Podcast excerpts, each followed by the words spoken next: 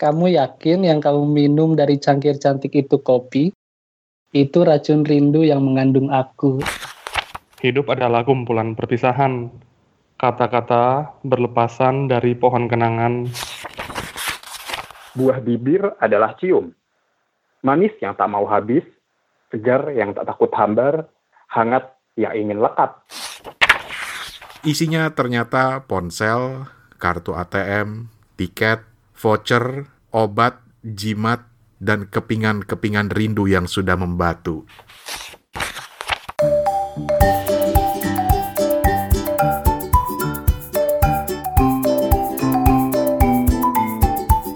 Kembali lagi ke podcast Kepo Buku. Kali ini kita kedatangan dua podcaster yang temanya tuh nggak jauh-jauh nih dari tema yang bakal kita bahas di malam ini. Uh, podcast puisi. Ada Heru Herlambang. Halo, Mas Heru. Halo semuanya. Ya, ada juga Mas Budi dengan podcast Secangkir Puisi Sebaik Kopi. Halo, Mas Budi. Halo. Oke, uh, Mas Heru tadi uh, podcastnya adalah puisi dan podcast ya. Mhm. Iya, Dua. namanya Dua. puisi dan podcast ya. Dua-duanya nih uh, aku udah dengar tadi sekejap gitu preview tracknya. Dua-duanya tuh bikin kita tuh jadi masuk ke dunia puisi tuh lagi ini ya lebih-lebih asik gitu. Derai hujan gitu. Betul-betul Mantap. menggapai imajinasi gitu. Asik. Tapi eh, backsoundnya podcast dan puisi tuh aku eh, lebih apa suka deh. Soalnya kalau aku sendiri itu background musiknya eh, bawaan dari Anchor gitu. Jadi Oh. agak kurang begitu niat cari background. itu karena belum nemu background yang free di mana. gitu. kalau yang podcast puisi lain, termasuk yang eh, podcast dan puisi tuh bagus-bagus banget. Mm-mm. Nanti Ingat bisa bikin. saya kasih tahu ininya apa linknya. Boleh, Ah. boleh. Gue jadi inget zaman SMA nih, malam apresiasi puisi. Ja. Eh, zaman kapan tuh, by the way? Hmm. Bahaya kalau dijelasin zaman kapan itu, tapi tapi yang jelas eh, Sapardi Djoko Damono masih muda banget gitu loh. Iya, ketebak ntar deh. Ah, Masih pakai celana cutra ini, Masih jangan celana. Pas Sapardi masih keluyuran tuh di Rawamangun sama di UI. Tapi oke, seperti kata Steven tadi, kita akan ngobrolin soal puisi ya, Van ya. Iya. Khusus malam ini. Khusus episode. malam ini. Dan sebenarnya udah lama kita rencanain. Jadi kita pernah ada satu episode kepo buku, nggak sengaja nyinggung buku puisi eh, Mas Jokpin ya, Surat kopi. Surat Kopi. Itu salah satu buku yang dibahas di episode itu. Ujung-ujungnya kita saling bertukar puisi. belum dengerin tuh ya.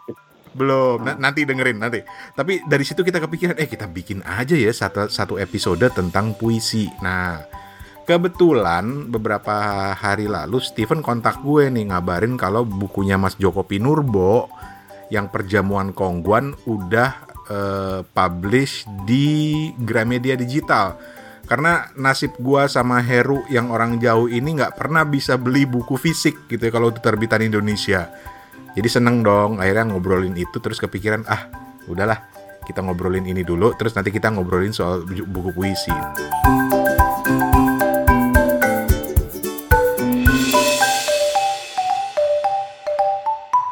Sekarang kita masuk ke bukunya Jokpin dulu ya karena memang Jokpin kayaknya yang mempersatukan kita di episode kali ini. Baru nanti kita lihat buku yang lain. Yang di Jakarta udah baca belum nih? Udah, bahkan waktu pas peluncuran bukunya itu datang juga ke sana. Jadi belinya pas di sana. Hmm. Iya, eh. ada ada Pak Sapardi juga di sana, terus ada eh, teman-teman dari eh, acara open mic puisi itu juga ada yang di sana. Jadi rame seru banget. Oh. Wah, keren. Cerita dong, apa sih yang diceritain Mas Jokpin dari bukunya itu? Aku waktu itu sempat nyimak yang banyak orang nanya intinya tentang proses eh, bikin puisi Jokpin itu gimana, tapi nggak cuman di eh, buku perjamuan Kongguan aja, tapi di in general dia itu gimana.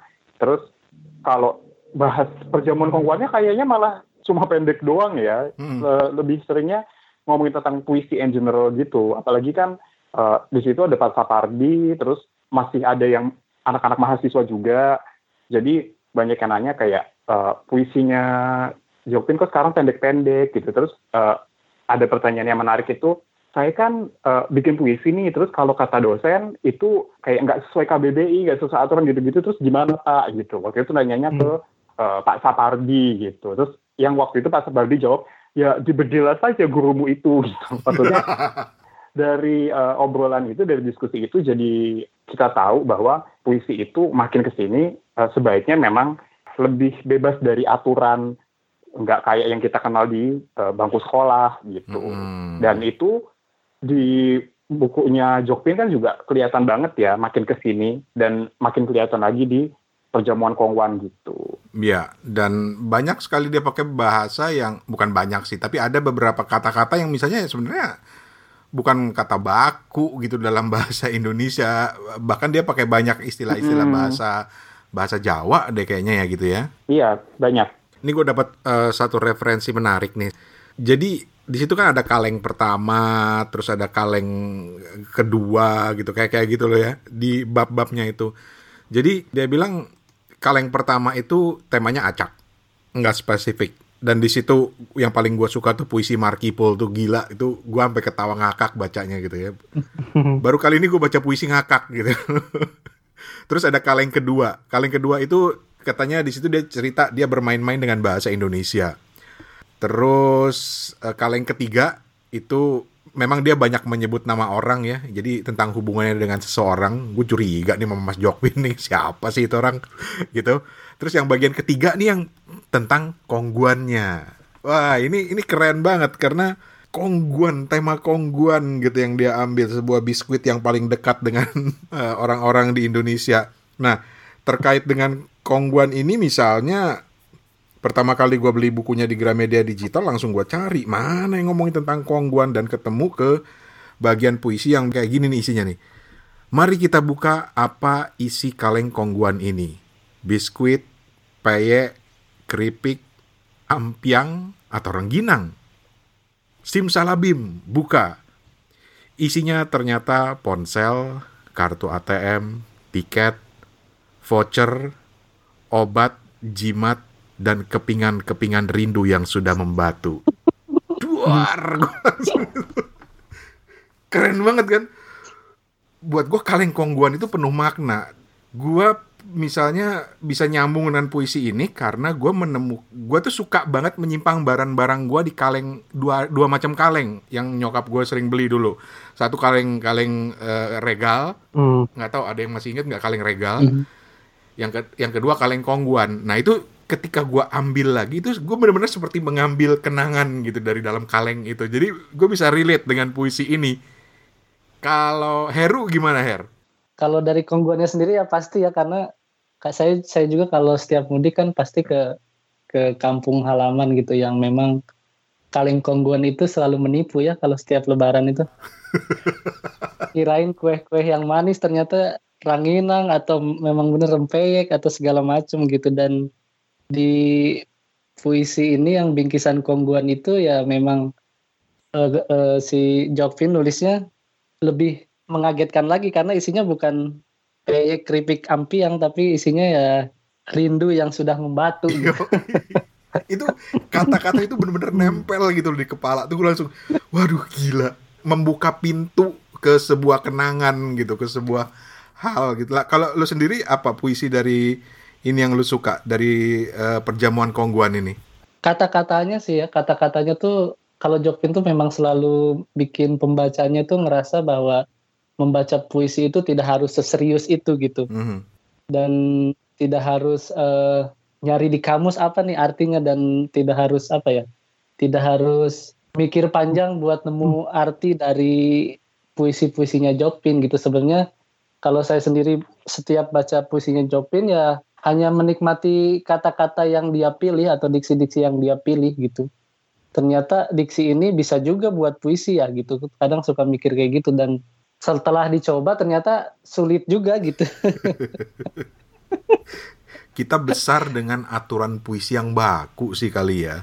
Sehingga bisa bisa tercengang melihat puisinya Jokpin. Iya. Lu hmm. lagi pegang bukunya nggak atau ada satu puisinya yang paling berkesan nggak dari perjamuan uh, Kongguan ini Her? Ada nih yang Judulnya Kopi Koplo. Oke. Okay. Kamu yakin yang kamu minum dari cangkir cantik itu kopi? Itu racun rindu yang mengandung aku. Puisi itu nancep banget ke ke ini gitu ke ke hati ya. Tengah tuh kenapa ya? Maklum LDRan. Sim simple tapi uh, apa kan ini pendek sekali puisinya cuman hmm. mempunyai arti yang yang sangat besar sekali gitu dan dan apa ya dan nggak diduga-duga gitu perasaannya munculnya nano-nano. Asik. Sekarang uh, sebelum gue ke Budi, gue mau ke Steven dulu. Iya. Uh. Gue selalu seneng ngomongin puisi sama Steven tuh karena banyak hal tak terduga yang kadang-kadang keluar dari ceritanya dia tentang puisi. Uh, Oke, okay. um, Mas Heru bilang kalau menikmati Jokpin tuh betul-betul simple gitu. Dan aku berpikir iya itu kayak gimana ya nggak perlu nggak perlu kosakata yang jelimet untuk bikin orang menikmati puisi. Kalau misalnya metaforanya ketinggian ataupun hal-hal yang nggak bisa diraba untuk halayak luas kan bisa-bisa puisinya tuh nggak nggak nyampe ataupun nggak dinikmati untuk orang-orang yang baca gitu. Mm -hmm. Kalau perjamuan Kongo ini yang paling uh, mengena tuh memang permainan kata beliau dan temanya tuh macam-macam ada ada politik, ada tentang rindu, tentang cinta, tentang buku juga. Aku aku sangat-sangat senang ketika puisi-puisi beliau kali ini itu membahas kayak kecintaan orang buat baca buku gitu. Nggak bisa lepas dari buku misalnya. Itu yang bagian yang minah ya? Uh, ya itu itu uh, kali yang ketiga tuh favorit aku juga tuh yang bikin ngakak. Mm-hmm.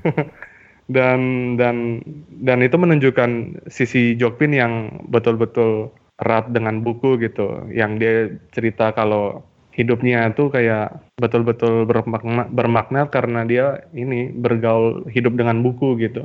Hmm. Dan dan yang aku acungin jempol gitu ketika puisi di beliau juga yang kali ini yang di 2020 ini juga merekam keadaan Indonesia waktu 2019 kan yang bisa kita amati di halaman 26 tuh. Hmm di puisi yang judulnya Pesta. Tapi di dalam puisinya tuh kayak kegetiran ataupun keterbalikan dari judul tersebut gitu. Ini loh eh, yang kita bilang untuk uh, pesta lima tahunan tuh tuh nyata-nyatanya tuh kok kayak gini gitu. Dia juga membuat kita sedikit merenungkan ataupun ya seenggaknya dia merekam peristiwa yang terjadi di bangsanya gitu lewat bu bukunya.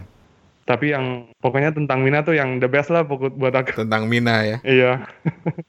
Ini nih yang paling salah satunya ya. Halaman 97 Jalan Mina. Di jalan berkelok di landai buku 5 km menuju Uwu. Mina menggigil sendirian mengarungi dingin waktu. Hidup adalah perjalanan kehilangan. Hidup adalah kumpulan perpisahan Kata-kata berlepasan dari pohon kenangan, berserakan di tanah cadas, dipungut dan dimasukkan Mina ke dalam tas. Dan akan dirangkainya menjadi kalimat yang panjang berliku, yang subjek predikatnya jelas. 2019. Kenapa lu suka itu, Van? Ya, hidup tuh kayak apa ya yang orang bilang tuh it is what it is ya Bang Era, Bang Rane ya. Asik. Jadi ketika Jokpin bilang di di buku ini kayak hidup tuh perjalanan kehilangan gitu ya. Ya aku mengamini puisinya tuh relate dengan dengan hmm. aku pribadi. Asik.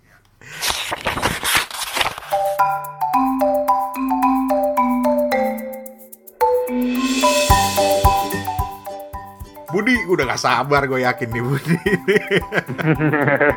Oke, okay, come on. Bud, dari point of view lo Bud soal perjamuan kongguan ini Bud? Perjamuan kongguan tuh aku kelar baca sehari ya jadi beli siang atau sore gitu hmm. malamnya udah kelar karena emang pendek-pendek kan hmm. nggak hmm. terlalu panjang dan uh, gampang banget lah untuk dicerna gitu. Oke okay, oke okay. sorry gua gua cut dulu di situ. Uh -uh.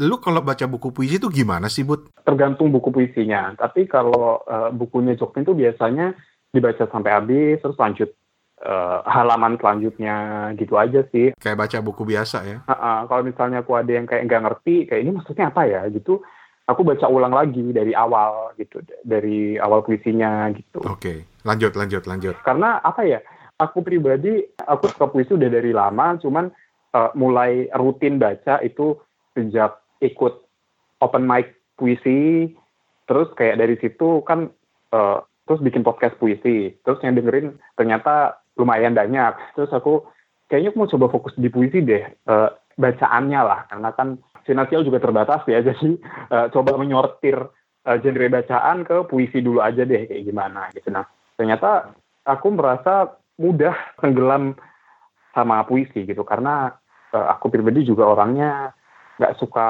keramaian gitu terus uh, sukanya menyendiri, menyendiri di kosan gitu kan dan ketika baca puisi gampang gitu apalagi kan sekarang udah ada teknologi maksudnya udah ada uh, Spotify gitu jadi bisa dengerin musik yang kira-kira kalau jadi pengantar baca buku tuh yang mana sih yang enak gitu. Oke. Okay.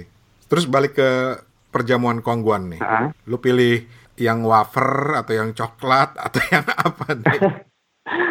perjamuan kongguan tuh uh, aku sebenarnya waktu sebelum sampai ke kaleng keempat itu sempat bertanya-tanya kayak ini kenapa namanya perjamuan kongguan ya? Gitu. Terus yes. setelah di kaleng keempat baru oh di sinilah dibahas kongguannya itu pun aku masih sampai selesai baca tuh masih bertanya-tanya ini uh, kok banyak banget ya? Ada malam kongguan kalau nggak salah ada mudik kongguan ada anak kongguan kok banyak banget? Gitu. Terus hmm. um, aku coba uh, mikir-mikir lagi yang uh, mungkin maksudnya Jokpin di sini adalah kongguan itu multifungsi. Pertama bisa buat nyimpen apa aja isinya macam-macam gitu. Bisa rengginang bisa isi kongguannya. Dan kalaupun isi kongguannya kan macam-macam kan. Ada wafer ada biskuit ada apa gitu. Mm -hmm.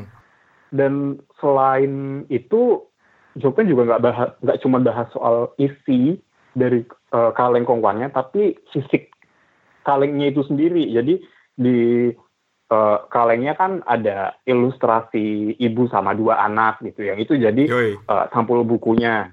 Terus uh, dia bahas tentang unsur keluarga di situ. Terus juga uh, kalau misalnya kongguan itu di hari apa aja sih gitu. Terus uh, kalau nggak salah ada puisinya juga judulnya musik Kongwan ya. Uh, hmm. Itu juga kayak bunyi kaleng Kongwan tuh gimana sih gitu. Aku dulu juga waktu masih kecil uh, sempat kan mukul-mukul kaleng namanya anak-anak gitu dan kalengnya kan beda kan. Kalengnya tuh kokoh kuat gitu. Jadi kayak ternyata semua semua mua tentang kaleng Kongwan ini diekspor banget gitu. Tapi cuma di kaleng di kaleng keempat sih gitu. Cuman aku jadi masih meraba-raba nih kira-kira kalau yang di kalengnya lain tuh kenapa ya kok masuk di sini gitu. Cuman ya mungkin itu sih beliau mengambil bahwa ya kaleng kongguan itu macam-macam gitu. Jadi macam-macam bisa ada di sini gitu. Hmm. Terus aku tuh terkesan juga sama ada satu yang di halaman 70 judul puisinya Nina Bobo. Uh, ini mengingatkan aku lagi tentang tanda kutip keunggulan puisi tertulis. Jadi itu kan ada yang tulisannya nanti digigit neraka gitu. Tapi di sebelahnya itu ada tulisan negara yang dicoret. Iya. Gitu. Jadi kalau misalnya dilisankan, kita kan nggak bisa bacanya. Kayak, gitu. Kita cuma bisa baca dalam bentuk tertulis. Gitu. Itu yang bikin aku menyadari lagi keunikan dari puisi tertulis. Betul. Gitu yang uh, itu nggak akan bisa ditemukan di nggak akan bisa dibacakan. Ini termasuk bagian yang lama gue baca bolak-balik nih puisi yang ini nih. Iya, dan itu juga relevan banget kan uh, sama uh, di 2019 kemarin gitu karena hmm. uh, banyak yang orang-orang di uh, pemerintah, orang-orang yang harus ngurusin negara tapi menggunakan hmm. agama sebagai alat hmm. gitu. Jadi uh, lucu aja di situ. Uh, nanti kita coba bacain paling tidak jelaskan kenapa itu membingungkan atau menjadi banyak pertanyaan ya. Tapi lu sendiri puisi hmm. di perjamuan Kongguan yang lu suka apa? Um, pertama itu tadi Nina Bobo, yang kedua Buah Bibir yang halaman 51. Oke. Okay. Coba dong, kita dengerin dong, kita dengerin dong. Oke. Okay. Buah bibir adalah cium. Manis yang tak mau habis, segar yang tak takut hambar, hangat yang ingin lekat, sesat yang menyisakan senyap, utuh yang berangsung luruh. Buah cium adalah aduh. Nah itu aku sukanya karena uh, dia lagi-lagi bermain kata kan kayak segar yang tak takut hambar, hangat yang tak ingin lekat gitu. Jadi uh, dua kata di awal dan di akhir itu rimanya sama gitu. Padahal mereka masih dalam satu baris gitu. Itu lucu aja sih dan uh, yang tadi aku cerita ke Steven juga bahwa aku kan agak susah ya untuk bisa tertarik dengan puisi romance atau yang menggoda tapi lebih ke arah uh, hmm. ya romansa gitu. Cuman yang ini hmm. tuh lucu aja gitu. Jadi kalau sekalinya ada yang bisa bikin uh, aku tertarik tuh jadi membekas banget sama tadi yang uh, pesta yang dipilih Steven itu aku juga suka dan yang di sebelahnya banget uh, judulnya buku hantu halaman 27 itu hmm. uh, aku juga suka karena uh, dia kan aku bacain aja kali ya karena pendek banget. Iya iya iya. Untuk apa kamu menyita buku yang belum atau tidak kamu baca? Untuk menghormati hantu tercinta. Itu tuh bikin aku inget uh, kalau nggak salah kalau nggak 2019 ya 2018 ya kan itu ada uh, sempat ada uh, buku disita gitu kan dan hmm. padahal ya kita pasti tahu yang nyita buku itu pasti nggak baca bukunya gitu hmm. jadi uh, puisi ini bikin inget ke masa itu hmm. oke okay. Ya begitulah teman-teman, barusan kita merayakan terbitnya buku puisi yang terbaru dari Mas Joko Pinurbo sambil menikmati sekaleng biskuit kongguan yang isinya belum tentu biskuit tapi bisa jadi juga rangginang, ampiang, peye. Sekarang kita tutup dulu kaleng kongguannya Mas Jokwin sambil menunggu kali-kali ada yang mau ngirim cerita-cerita lainnya ya, kirim aja. Kita akan lanjut dengan dua tamu spesial kita untuk ngobrolin soal buku-buku puisi yang lain. Nah, ini bagian pertama ada dua bagian. Jadi bagian yang pertama ngobrolin tentang buku puisi ini akan kita dengarkan sebentar lagi bersama Steven dan nanti di minggu depan kita akan lanjutkan lagi dengan cerita macam-macam lagi buku puisi bersama Heru dan Budi dan juga nanti mereka berdua akan membacakan puisi andalannya. Jadi benar-benar dua episode spesial Kepo Buku ini benar-benar kita persembahkan untuk para pencinta puisi di mana pun kalian berada. Hala. Oke, Steven, silakan.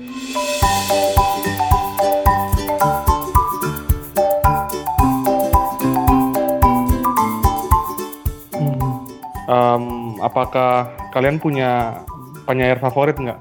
Kalau boleh, uh, sebutin satu atau dua gitu biar kita bisa bisa tahu gimana um, preferensi puisi kalian gitu. Boleh mulai dari Mas Budi boleh. Um, favoritku itu yang tadi udah disebut satu uh, Aan Mansur. Hmm. Uh, itu uh, aku tahunya juga sama kayak Heru tahunya dari AADC 2. Jadi uh, aku nonton AADC 2 terus pas suatu ketika ke Gramet ternyata hmm. kumpulan puisinya itu ada bukunya.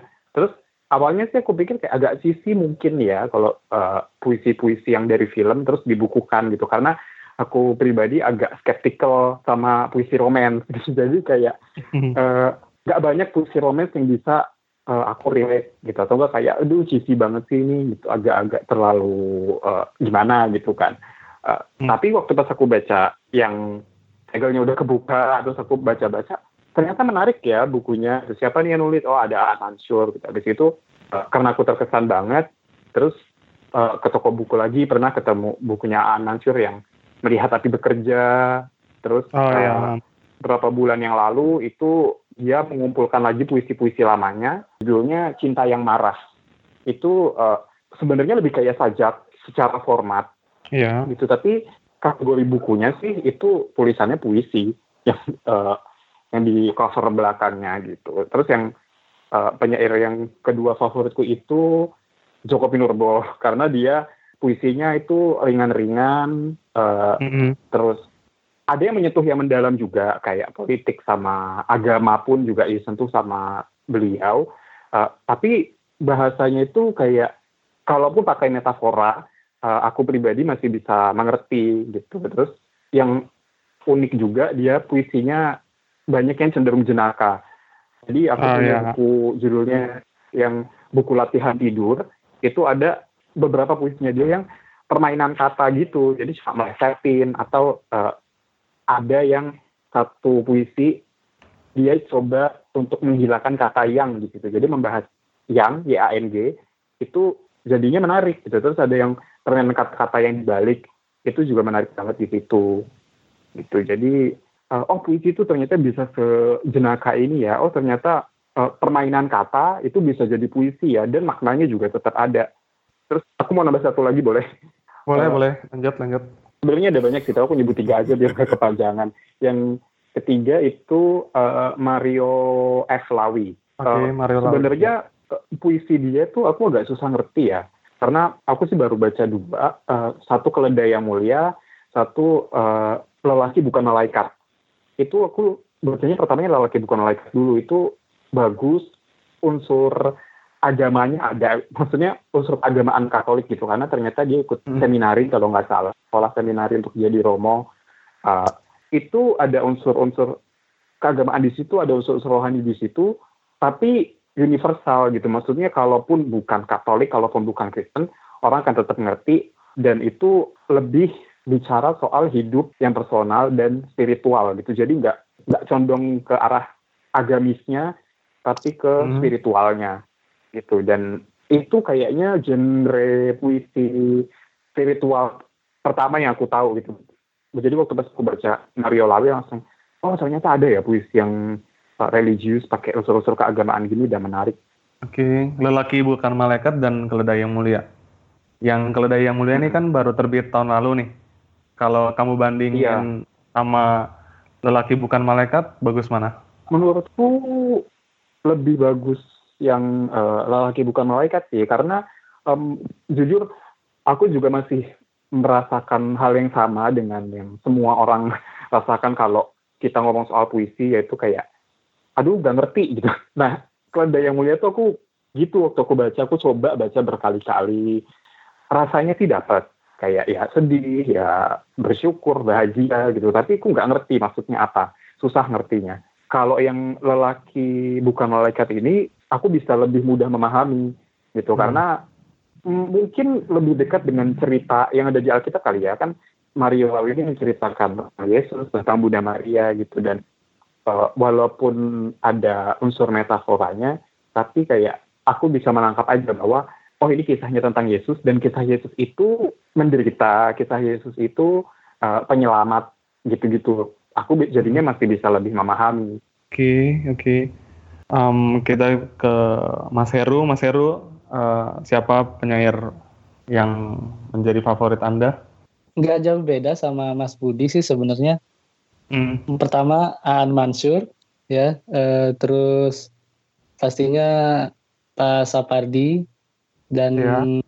juga Joko Pinurbo gitu dan uh, Hairil Anwar pun ya pastinya jadi favorit semua orang ya buat hmm. para penggemar puisi gitu ya. Hmm. Dan Kenapa saya milih Aan Mansur di nomor pertama karena terus terang ya karena saya nonton ada apa oh, dengan ya. cinta duka ya dan dan puisinya pun apa ya waktu itu saya lihat videonya juga Aan Mansur di di YouTube gitu bahwa dalam penulisan buku tidak ada New York hari ini sebenarnya dia nggak pernah pergi ke New York untuk mencari inspirasi gitu dia hanya melihat kota New York dari komputer dari foto-foto di Google dan dari uh, Google Earth gitu yang dia jelajahin sendiri di komputer gitu. Jadi dia hanya membayangkan perasaan si tokoh dan membayangkan kota New York itu sendiri gitu dan bagi saya ya itu hebat sekali gitu. Karena kan rata-rata itu para penyair menulis puisi itu dari keresahan mereka sendiri gitu. Dan buku ini dia menulis memang benar-benar apa ya benar-benar mungkin separuhnya memang e, dikarang gitu cuman dihayalkan gitu. Keren ya. Iya makanya saya suka suka banget puisi ini. Dan tahun kemarin saya punya kesempatan jalan-jalan ke sana ke New York gitu. Dan memang suasananya tuh persis yang apa yang dia tuliskan di buku itu gitu dan saya benar-benar pas dari situ ngerasa wow ini hebat sekali gitu oke okay, oke okay. Ini sisi Stephen yang nggak pernah gue lihat nih. Ah ya. Lu suka, lu seorang seorang pencinta puisi juga rupanya, Van. Sebenarnya nggak juga, Bang Rane.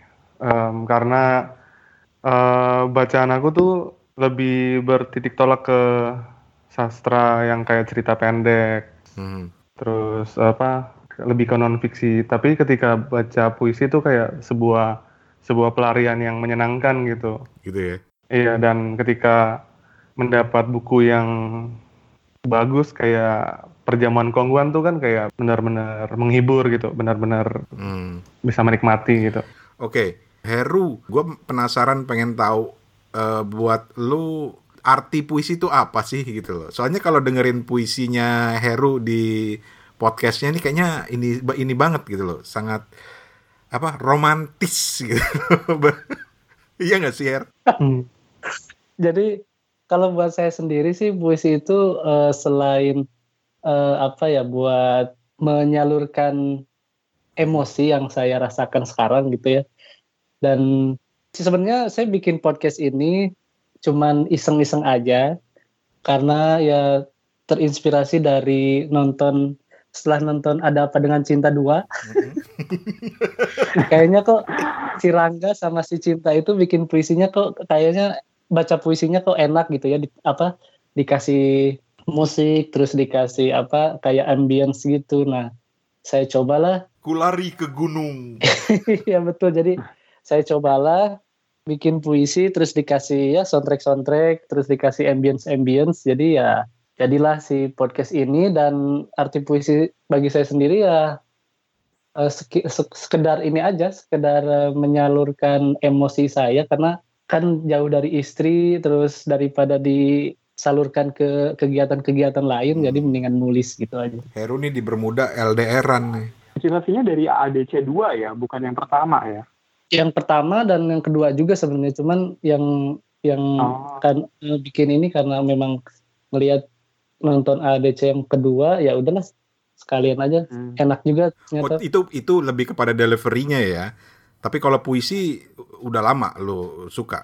Uh, udah lama suka nulis, cuman nggak terlalu apa ya, nggak terlalu nggak nggak dipublish gitu, nggak dikasih ke orang-orang buat baca. Nah, pada tahun 2017 saya ke sini, uh, ternyata kan di sini tuh kotanya kecil dan kegiatan saya itu nggak banyak selain kerja, pulang, tidur, makan gitu kan. Terus lihat-lihat Instagram ada yang namanya Insta Poet ya. Hmm. Terus saya bilang nih asik juga nih bikin-bikin Insta Poet. Nah, 2017 saya bikin akun namanya Bowo Bukan Pujangga. Terus saya nulis-nulis, terus kalian belajar uh, apa sih puisi itu, nonton-nonton YouTube dan uh, saya lihat videonya Pak Sapardi bilang puisi itu adalah bunyi gitu kan ya. Dan puisi itu akan berbeda ketika kita membacakan puisi dengan akan berbeda ketika uh, si ada Ari dan Reda ya hmm. menyanyikan puisi itu. Jadi mungkin saya pikir kalau puisi saya tulis aja gitu mungkin banyak orang-orang yang nggak akan e, ngerti perasaan saya sendiri terus nggak akan mungkin nggak akan apa ya nggak akan banyak orang yang bisa meresapi e, perasaan saya sendiri karena kan nggak banyak juga orang-orang yang mengalami perasaan seperti saya kayak jauh dari keluarga jauh dari istri gitu makanya mungkin akan lebih apa ya akan lebih dapat lagi kalau saya membacakannya sendiri gitu. Dan ngomong soal puisi yang romantis, gue menangkap bahwa lu juga dalam hal tertentu juga ada romantisnya juga, uh, Bud. gue suka banget misalnya puisi lu jodoh idaman lu itu gue suka banget tuh, Bud. Ah, ya, aku kalau misalnya bikin uh, apa puisi, kalau aku sendiri yang nulis, uh, puisi cintaku tuh lebih ke arah kalau nggak cinta yang gagal itu kritik terhadap cinta gitu jadi kayak uh, jodoh idaman itu kan uh, itu juga bentuknya kritik kan kayak um, kritik. Uh, uh, kayak apa sih waktu itu kan jadi jodohmu tuh bisa aja loh uh, orang yang kayak skincarean orang yang uh, apa social media engagementnya nggak seberapa itu gitu. Dia. tapi uh, tapi lo tuh nggak memberi diri lo kesempatan gitu. Intinya tentang itu kan. Intinya adalah tentang orang yang nggak memberikan kesempatan sama yang berbeda dari idamannya gitu. Tapi punya ide tentang jodoh itu kayak gimana gitu. Jadi gue kayak hmm kayaknya orang tuh kalau nggak cari jodoh idaman tapi ideman gitu ideman. jadi bentuknya kritik gitu cuman cuman ketika aku uh, jatuh cinta gitu aku bisa PDKT sama orang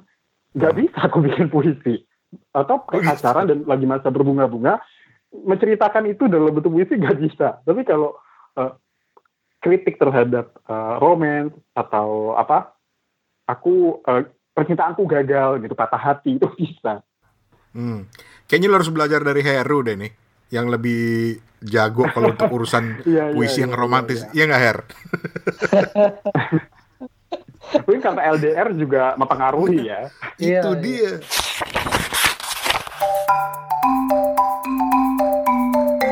Dan teman-teman, terima kasih sudah mendengarkan Kepo Buku. Sebelum pamit, uh, kami para host Kepo Buku di sini, Steven dan juga gue Rane ingin mengucapkan uh, turut berbela sungkawa kepada rekan kita uh, Her Toto Eko atau Toto yang uh, baru saja kehilangan uh, ibunya yang telah berpulang pada hari ini Sabtu 1 Februari 2020 kita turut berbela sungkawa dan untuk keluarga yang ditinggalkan semoga selalu diberikan ketabahan dan kekuatan. Amin.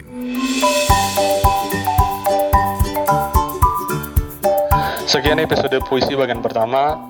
Terima kasih banyak kalian udah dengerin sampai selesai. Kirim cerita buku-buku puisi kamu ke WhatsApp di nomor 0878 7850 5012 atau email ke suarane at gmail.com. Nantikan di bagian kedua, kita bakal dengerin lebih banyak lagi buku-buku puisi dan ada pembacaan puisi dari Heru dan Budi. Sampai jumpa.